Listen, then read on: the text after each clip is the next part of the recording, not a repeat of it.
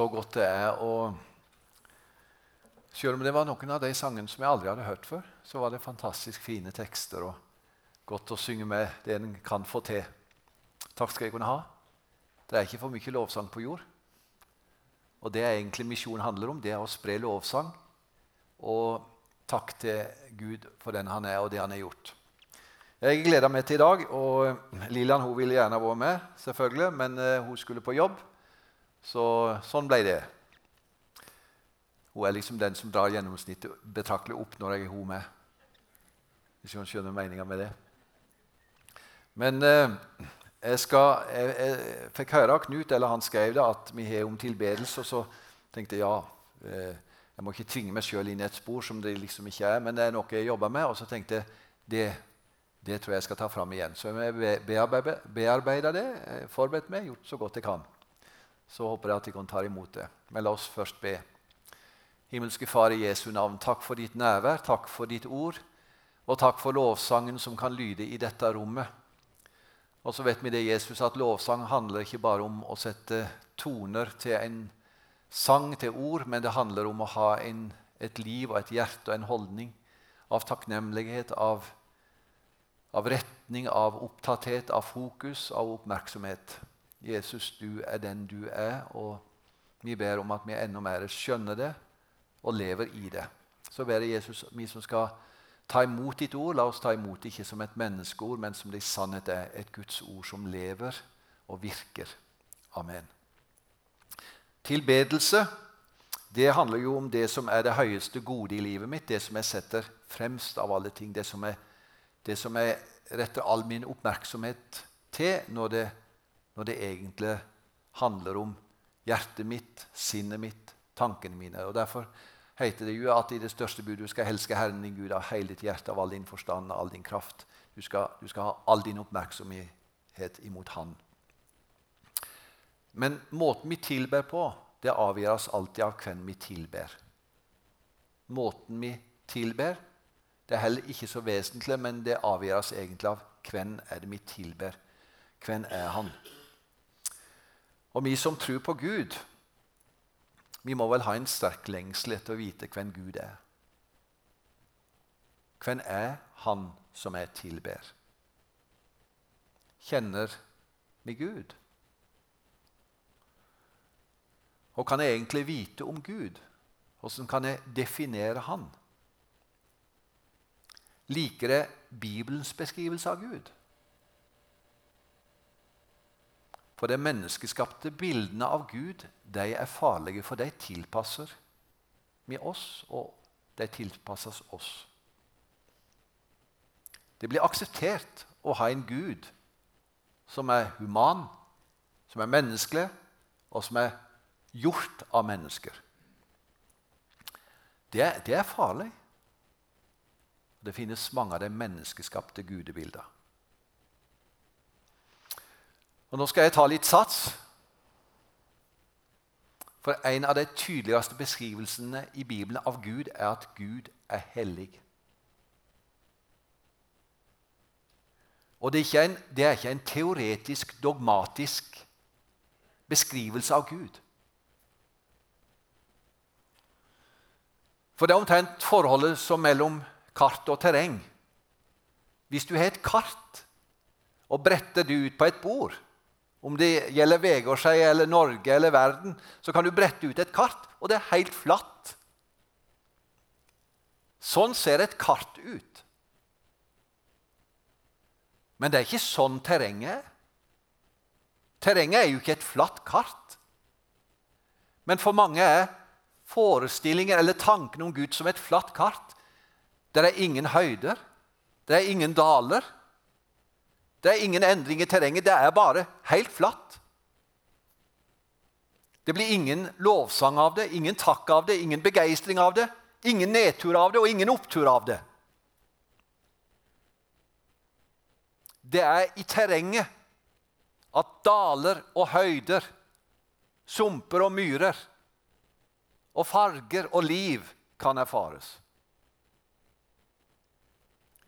Og det er ei kvinne i Bibelen Hanna, som etter år med lengsel, med tårer, med smerte, med høyder og dybder i livet sitt. Og den djupeste ensomme fortvilelse at hun erkjenner at Gud er hellig. Hun kommer til orde, og så sier hun det sånn. Ingen er hellig som Herren, sier Hanna i sin lovsang. For ingen er til uten du. Det er ingen klippe som vår Gud. Snakk ikke med så store og stolte ord. La ikke frekt snakk gå ut av munnen. For Herren er en Gud som allting vet. Han prøver hver gjerning. Ingen er heldig som Herren. Ingen er som Gud. Så når vi skal snakke om Gud, og enda mer når vi skal snakke til Gud, hvordan snakker vi da? Skulle folk undre seg over at at jeg har det vondt når Jesus snakkes om på en måte som er så så ned, så utafor det bibelske vitnesbyrdet. Og det finnes masse av det i dag. Vi leser om det, vi hører om det. Det er ikke rart jeg kjenner en smerte, for Gud er hellig. Og når disiplene sa du må lære oss å, du må lære oss å be Da sier Jesus en av bønnene som er viktigst å be, er la navnet ditt helliges. Helliget vorde ditt navn, heter det før. Og betyr det? Ja, Det betyr at Gud blir ikke hellig av at vi ber til ham. Ikke sånn at vi lager Gud hellig. Men helliget vorde ditt navn det betyr egentlig Det er så vanskelig å oversette at jeg finner ikke et godt ord på det. De må omskrive det. Og så skal de, så skal de være liturgiske og poetiske i tillegg. Men at Gud er hellig, det betyr jeg må forholde meg til Gud sånn. Han er den hellige Gud. Det er voldsomt. Jeg vet ikke åssen du reagerer. Om du tenker 'oi, jeg vil ha litt avstand'. Jeg blir litt redd.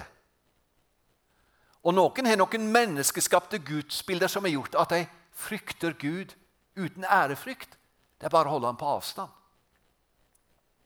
Men hellig betyr at Gud er forskjellig. Han er annerledes. Han er på en annen måte enn oss. Hans vesen er hellig, guddommelig. Han er en herlighetsglans. Og Det står i Bibelen rett ut at hvis jeg, hvis jeg nå så inn i Guds herlighetsglans her og nå, så kan ikke et menneske se det og leve. Det er som en flamme du tar hånda inn i. Du kan ikke ta i den uten å skades. Han er en utstråling. Han er en, han er en ukrenkelighet. Gud er enorm. Og det jeg har tenkt nå Om Gud gir nåde til det, så jeg har jeg lyst til å prøve å ta det med ifra kartet det flate landskapet som du gjerne kan kjenne på en gudstjeneste. Men jeg har lyst til å ta det med ut ifra kartet og inn i terrenget. Og så må du ikke tenke som så det at ja, sånn Arvid beskriver det, det er akkurat sånn jeg skal oppleve det. For din erfaring og din opplevelse, fargen på det, styrken av det, følelsen i det, den kan være veldig forskjellig. Det er som å høre på gamle vitnesbyrd at folk som møtte Jesus eller det hadde åndelige erfaringer, så tenkte folk jeg må ha det på samme vis. Det er ikke sånn. Du, du må ikke tro at du er utafor, men, men, kjenn om du har den lengselen, om du har det behovet, om du vil være med inn i det landskapet. Ikke minst ut ifra det bibelske vitnesbyrdet som gir oss mennesker som går nettopp inn ifra kartet og inn i terrenget og sier sånn vil jeg erfare Gud. Jeg vil ha litt smak av det. Jeg vil kjenne litt av de høydene. Jeg vil gå ned i de dalene. Eller kanskje for å si det som vi ikke har lyst til å gå ned i dalene. Vi har jo helst lyst til å være der på toppen. Alt skal være så fantastisk. Og Derfor var det så fint med de tekstene som ble sunget nå, som ikke bare var et uttrykk for at alt er så fantastisk og glorious og alt er så, alt er så bra. Det er ikke sånn. Og da visste ikke når du møter Gud. Faktisk er det sånn Når du møter Gud, kan av og til de verste stundene bli de beste øyeblikkene i livet ditt. Sånn kan det være når du erfarer Gud. Jeg skal ta deg med ut i terreng, og det første terrenget vi skal ut i, der er du ikke kjent. Men du har lest om det. Vi skal ut i ørkenen. Andre Mosbok kapittel 3. Moses gjette småfe til svigerfaren Jetro, presten i Midian. Bare det er litt å tenke på. Og han var i et miljø som var åndelig religiøst, men ikke den sanne og eneste Gud. En gang drev han feet over til den andre siden av ørkenen, og han kom til Guds fjell Horeb. Da viste Herrens engel seg for ham i en flammende ild som slo opp fra en tornebusk.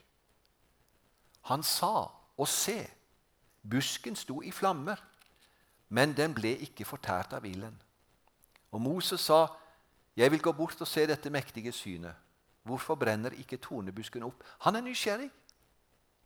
I all verden, her brenner det, og så brenner det ikke opp. Det er fascinerende.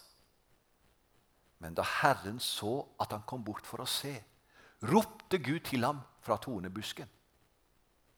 'Moses, Moses!' Han svarte, 'Her er jeg.' Og Gud sa, 'Kom ikke nærmere. Ta skoene av føttene, for stedet du står på, er hellig grunn.' Så sa han, 'Jeg er din fars Gud, Abrahams Gud, Isaks Gud og Jakobs Gud.' Da skjulte Moses ansiktet, for han var redd for å se Gud. Det, det var kjente omgivelser for Moses. Han hadde ørkenen. Det var et landskap han var kjent i. Men der i det kjente landskapet for Moses skjer det noe radikalt nytt i hans liv. Han kommer inn på hellig grunn. Hva er det som skjer når du kommer inn på hellig grunn som Moses?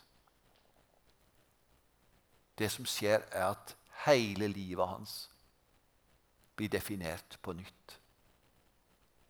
Hele livet hans blir definert på nytt. Hva skal til for at du og jeg definerer livet vårt helt på nytt? Hva skal, til for at nå er, nå er det skjedd noe i livet mitt som gjør at det blir ikke sånn som det var før? Det er når du erfarer Guds hellighet. Når du skjønner at du ikke kan gå din egen vei lenger. Og jeg syns det er interessant at det blir sagt 'ta av deg skoa'. Og hvis nå jeg skulle ta av meg skoa, så vet ikke jeg hva det skulle bety her på Vegårshøya. Men jeg har tenkt, og dette er bare noe jeg, jeg ikke vet 100% men jeg tenker Betyr det egentlig at nå, Moses, nå må du ta de skoa dine av? For nå skal du ha en ny retning. Nå kan, nå kan, du ikke gå lenger din egen vei. Og Det er dramatisk for Moses. Gud, din vei er i hellighet, står det i Salme 77 vers 13. For livet bestemmes ikke av hvem Moses er, eller hvem du er, men det bestemmes av Gud. Og det å tilbe, det å si at Gud er hellig, det betyr at jeg må ta skoene mine av.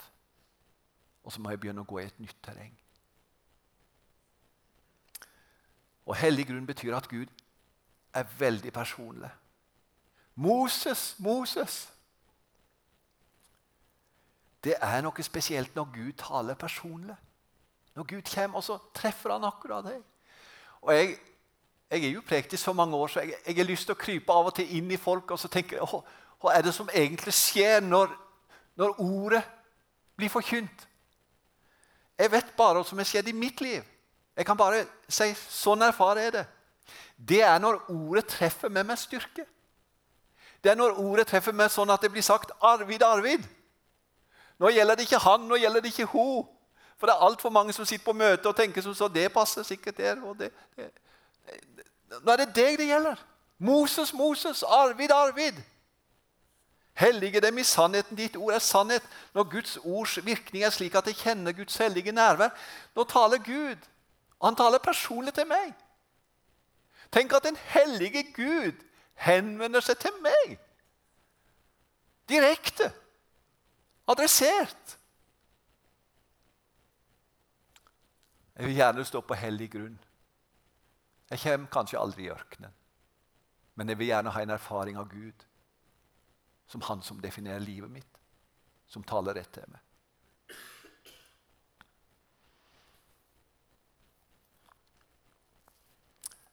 Vi skal ut av kartet og inn i terrenget igjen. Nå skal vi ikke inn i et landskap, vi skal inn i et hus. Det er ofte sånn når du skal lete deg fram på kartet, så er det et hus du skal til. Og nå skal du ikke inn i et hvilket som helst hus, men du skal inn i et tempel.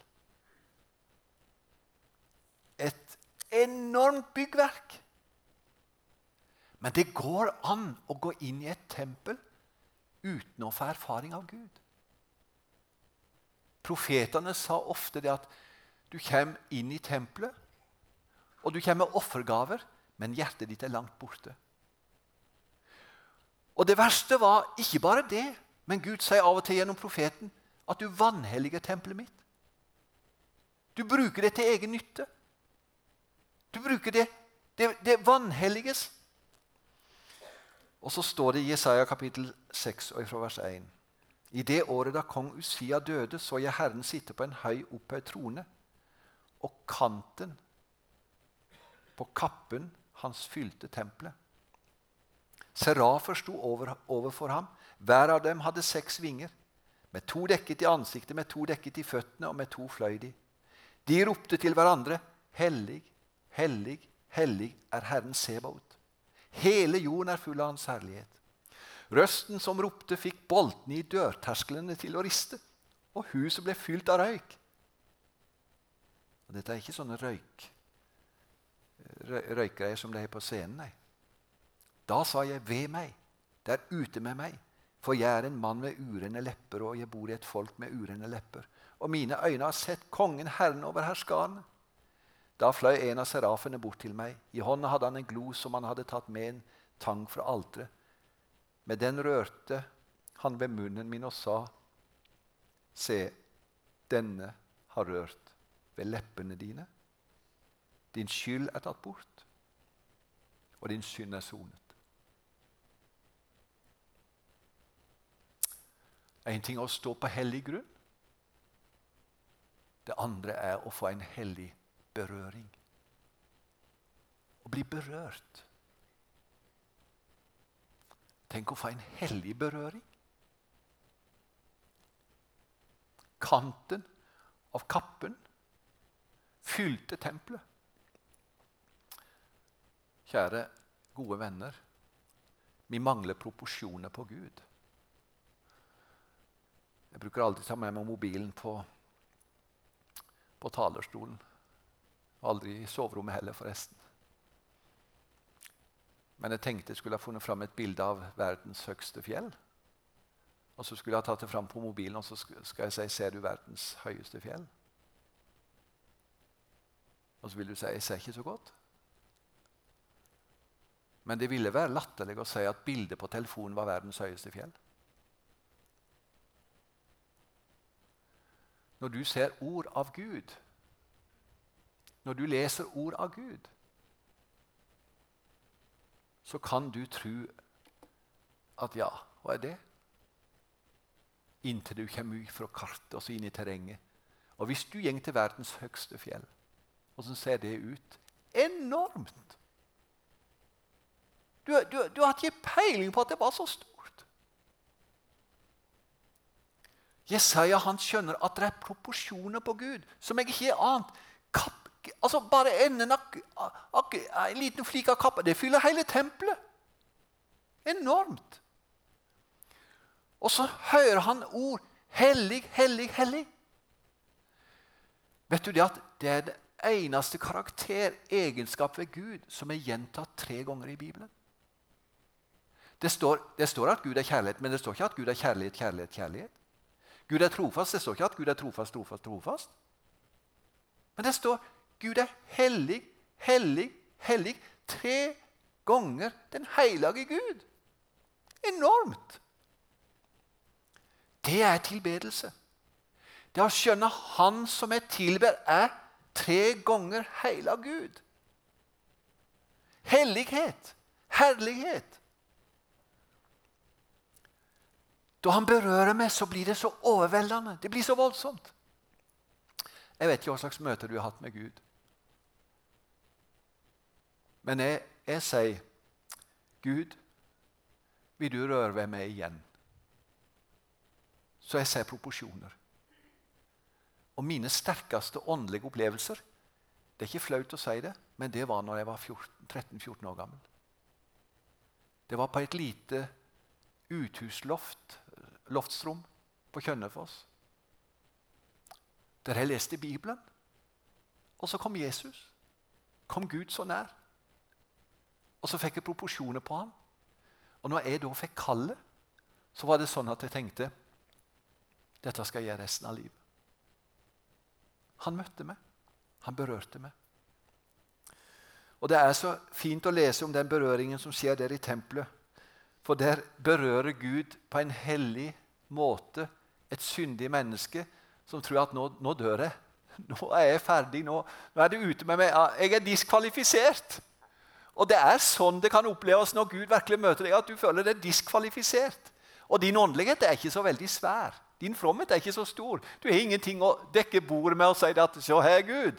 Nei, det er han som kommer til bordet, og så sier han 'Jeg skal gi deg det du trenger'. Og den hellige berøringen som skjer i tempelet, det er at Gud tar bort det som skal bort, og så gir han det som skal gis.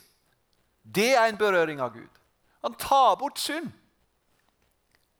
Og uten å smittes av den. Og når Jesus rørte ved mennesker, så var det ikke sånn at han ble smittet av det. Han tok bort det som skulle bort, og så gir han det som skal gis. Og tenk å høre det ordet. De skyld er tatt bort. De synd er sona. For en berøring. Og Det er interessant, det som står for Bibelen, er ganske sånn rett i språket sitt. Vær, vær ikke redd, Jakob, du vesle mark. Jeg syns mark høres så fint ut. Makk syns jeg høres mer ordentlig ut. Vær ikke redd, Jakob, du vesle makk.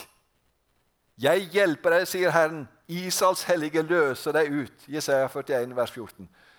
Du er en makk. Eh, men jeg berører deg. Og så løser jeg deg ut, og så får du et nytt liv. For en berøring.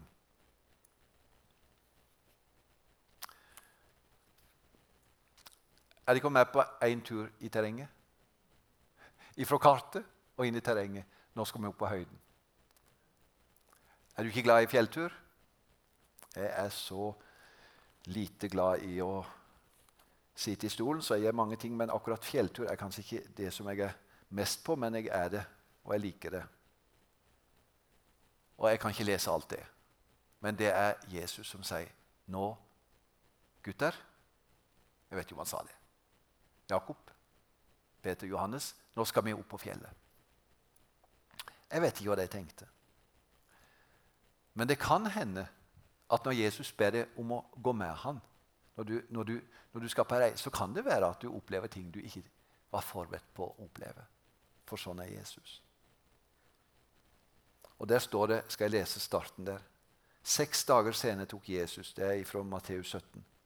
Seks dager senere tok Jesus med seg Peter, Jakob og hans bror Johannes og førte dem opp på et høyt fjell hvor de var alene. Da ble han forvandlet for øynene på dem. Ansiktet hans skinte som solen, og klærne ble hvite som lyset.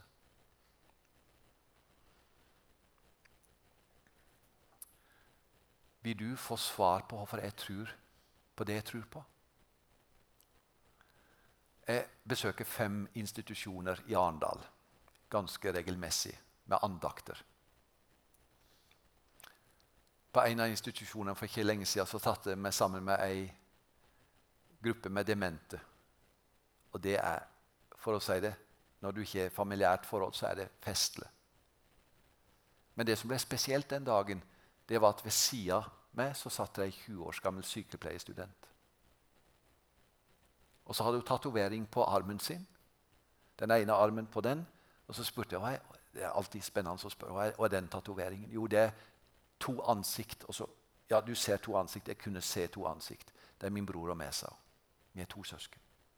På den andre sida hadde hun tatovert eh, en, en fugl og en dato. Og så spurte jeg hva er det Jo, det er dagen da mormor døde. Og Så satt jeg demente rundt, og så satt hun og meg, og så ble det et eget rom da hun og meg kunne snakke. Og så spurte jeg henne tror du på et liv etter døden. Det er fantastisk å høre en 20-åring som er vokst opp på Hisøy, tenker om et liv etter døden. Det er så fantastisk og fantasifullt at det går nesten ikke an. Det er noe ånder og det er noe svevende og det er et eller annet som skjer. Og mormor ser meg, og vi er sikkert sammen, og hun er bare usynlig. Det er bare helt fantastisk. Og så så jeg på henne og sa jeg, vet du, jeg tror på Jesus. Og jeg tror det er én grunn til at jeg tror på Jesus. Jeg tror det er én grunn til at jeg tror på Jesus. Det er at Jesus sto opp ifra de døde. Det er grunnen til at jeg tror på Jesus. Og hele historien vil an... Hvis jeg ikke tror på det, så kollapser hele historien. Men når jeg tror på den, så åpner alt seg. Og da kan jeg si det er ingenting som er så vakkert som å se Jesus i hans glans og i hans herlighet. Da ser jeg lysglanset av det oppstandende. Da ser jeg slik som han er. De kan som er godt voksne her, de kan kjenne en sang fra musikklaget. Og det var ei bønn sånn, og den er veldig fin å be. La meg få se ditt ansikt, kjære Jesus. Ja, se meg glad på all din herlighet. På fjellet viste han seg som den hellige, uimotståelige. Det finnes ingenting annet enn den herlighet som han har. Og ut ifra det så falmer alt annet. Så visner alt annet. Så er det som, det er som dødt i forhold til Han som er livet. Og jeg kan si det er ingen som er tilfredsstilt min lengsel så djupt som Jesus. Og Hvis jeg som predikant skulle hatt et ettermæle, så vet jo ikke jeg åssen ettermeldet skulle være. Han prekte lenge eller uforståelig. Men jeg vil gjerne ha det ettermeldet. Han prekte om Jesus. Og han sa det er ingen som er så hellig og vakker og god som Jesus. Og Hvis du går ut herifra i dag og sier at 'jeg så et lite glimt av han', så var det det det skulle handle om. For når de kom ned av fjellet, så sier han Seinere så skriver han 'Vi så Hans herlighet'. Og desto fastere har vi det profetiske ord. Og dere gir veldig akte på det, for det er som et lys som skinner inn på en mørk plass. Det er akkurat som soloppgangen, sier Peter. Når det går opp i ditt hjerte, og så ser du Jesus. Da er du på hellig grunn, for du har sett Jesus. Jesus det eneste, helligste, reneste navn som på menneskelepper er lagt. Åssen du tilber, avgjøres av hvem du tilber. Tilber du den hellige Gud, så får tilbedelsen din innhold og retning. Amen.